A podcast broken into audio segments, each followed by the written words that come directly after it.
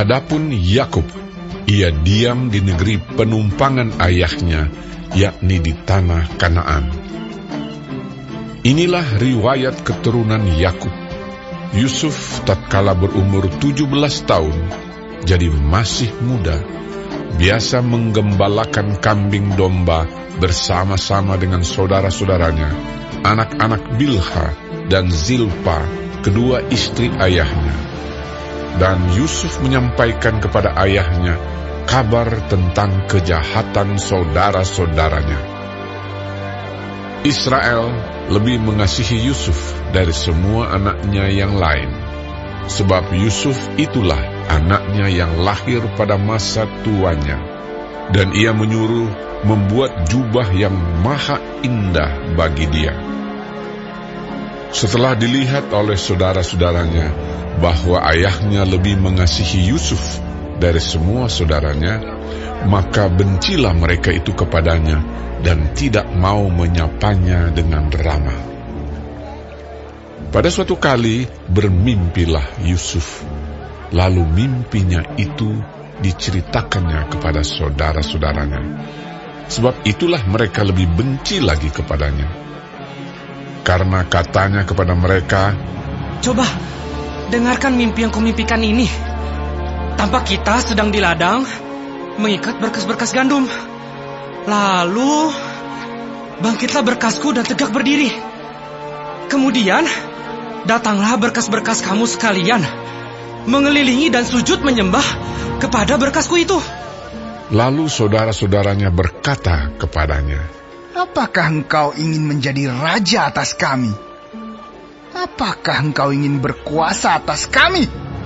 Jadi makin bencilah mereka kepadanya karena mimpinya dan karena perkataannya itu.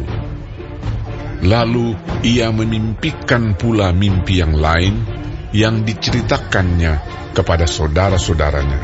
Katanya, Aku bermimpi pula. Tampak eh, matahari, bu- bulan, dan sebelas bintang sujud menyembah kepadaku. Setelah hal ini diceritakannya kepada ayah dan saudara-saudaranya, maka ia ditegor oleh ayahnya. Mimpi apa mimpimu itu? Masakan aku dan ibumu, serta saudara-saudaramu, sujud menyembah kepadamu sampai ke tanah. Maka iri hatilah saudara-saudaranya kepadanya. Tetapi ayahnya menyimpan hal itu dalam hatinya. Pada suatu kali, pergilah saudara-saudaranya menggembalakan kambing domba ayahnya dekat Sikem. Lalu Israel berkata kepada Yusuf, Bukankah saudara-saudaramu menggembalakan kambing domba dekat Sikem? Marilah engkau kusuruh kepada mereka. Sahut Yusuf, Ya, Bapak. kata Israel kepadanya, Pergilah engkau melihat apakah baik keadaan saudara-saudaramu dan keadaan kambing domba. Dan bawalah kabar tentang itu kepadaku. Lalu Yakub menyuruh dia dari lembah Hebron, dan Yusuf pun sampailah ke Sikem. Ketika Yusuf berjalan ke sana kemari di padang, bertemulah ia dengan seorang laki-laki yang bertanya kepadanya. Apakah yang kau cari? Sahutnya, Aku mencari saudara-saudaraku. Tolonglah katakan kepadaku, di mana mereka menggembalakan kambing domba. lalu kata orang itu, Mereka telah berangkat dari sini. Sebab telah kudengar mereka berkata, Marilah kita pergi ke Dotan. Maka Yusuf menyusul saudara-saudaranya itu dan didapatinyalah mereka di Dotan. Dari jauh ia telah kelihatan kepada mereka. Tetapi sebelum ia dekat pada mereka, mereka telah bermufakat mencari daya upaya untuk membunuhnya. Kata mereka seorang kepada yang lain, Lihat, tukang mimpi kita itu datang. Sekarang, lemparkan ke dalam salah satu sumur ini. Lalu kita katakan, seekor binatang buas telah menerkammu. Dan kita akan lihat nanti bagaimana jadinya mimpinya itu. Ketika Ruben mendengar hal ini, ia ingin melepaskan Yusuf dari tangan mereka. Sebab itu katanya, Janganlah kita bunuh dia. lagi kata Ruben kepada mereka, Janganlah tumpahkan darah. Lemparkanlah dia ke dalam sumur yang ada di padang gurun ini. Tetapi janganlah apa-apakan dia.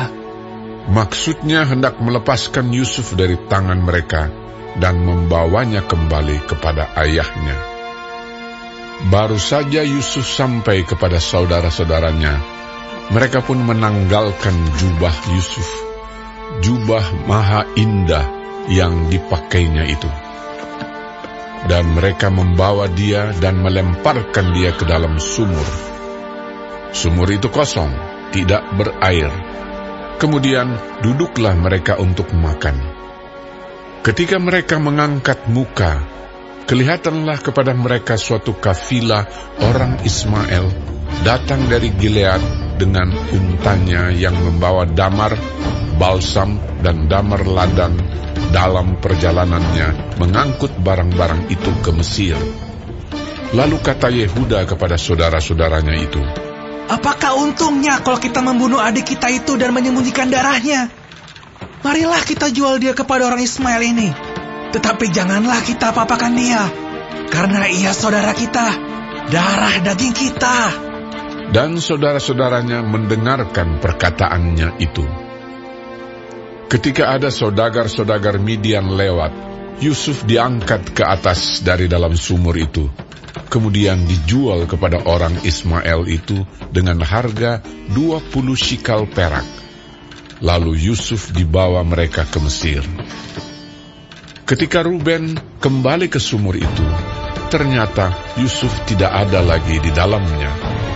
Lalu dikoyakkannya lah bajunya, dan kembalilah ia kepada saudara-saudaranya.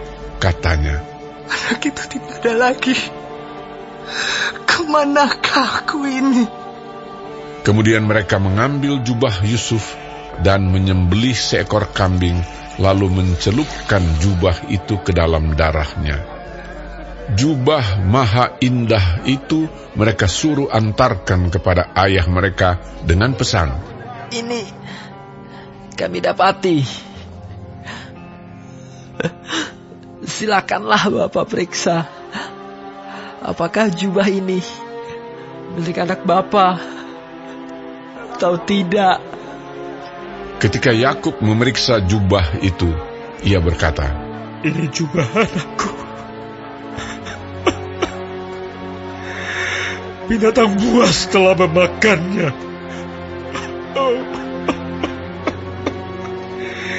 Tentulah Yusuf telah diterkam. Dan Yakub mengoyakkan jubahnya, lalu mengenakan kain kabung pada pinggangnya, dan berkabunglah ia berhari-hari lamanya karena anaknya itu. Sekalian anaknya laki-laki dan perempuan berusaha menghiburkan dia, tetapi ia menolak dihiburkan, serta katanya, Tidak. Aku akan berkabung. Sampai aku turun mendapatkan anakku. Ke dalam dunia orang mati. Demikianlah Yusuf ditangisi oleh ayahnya.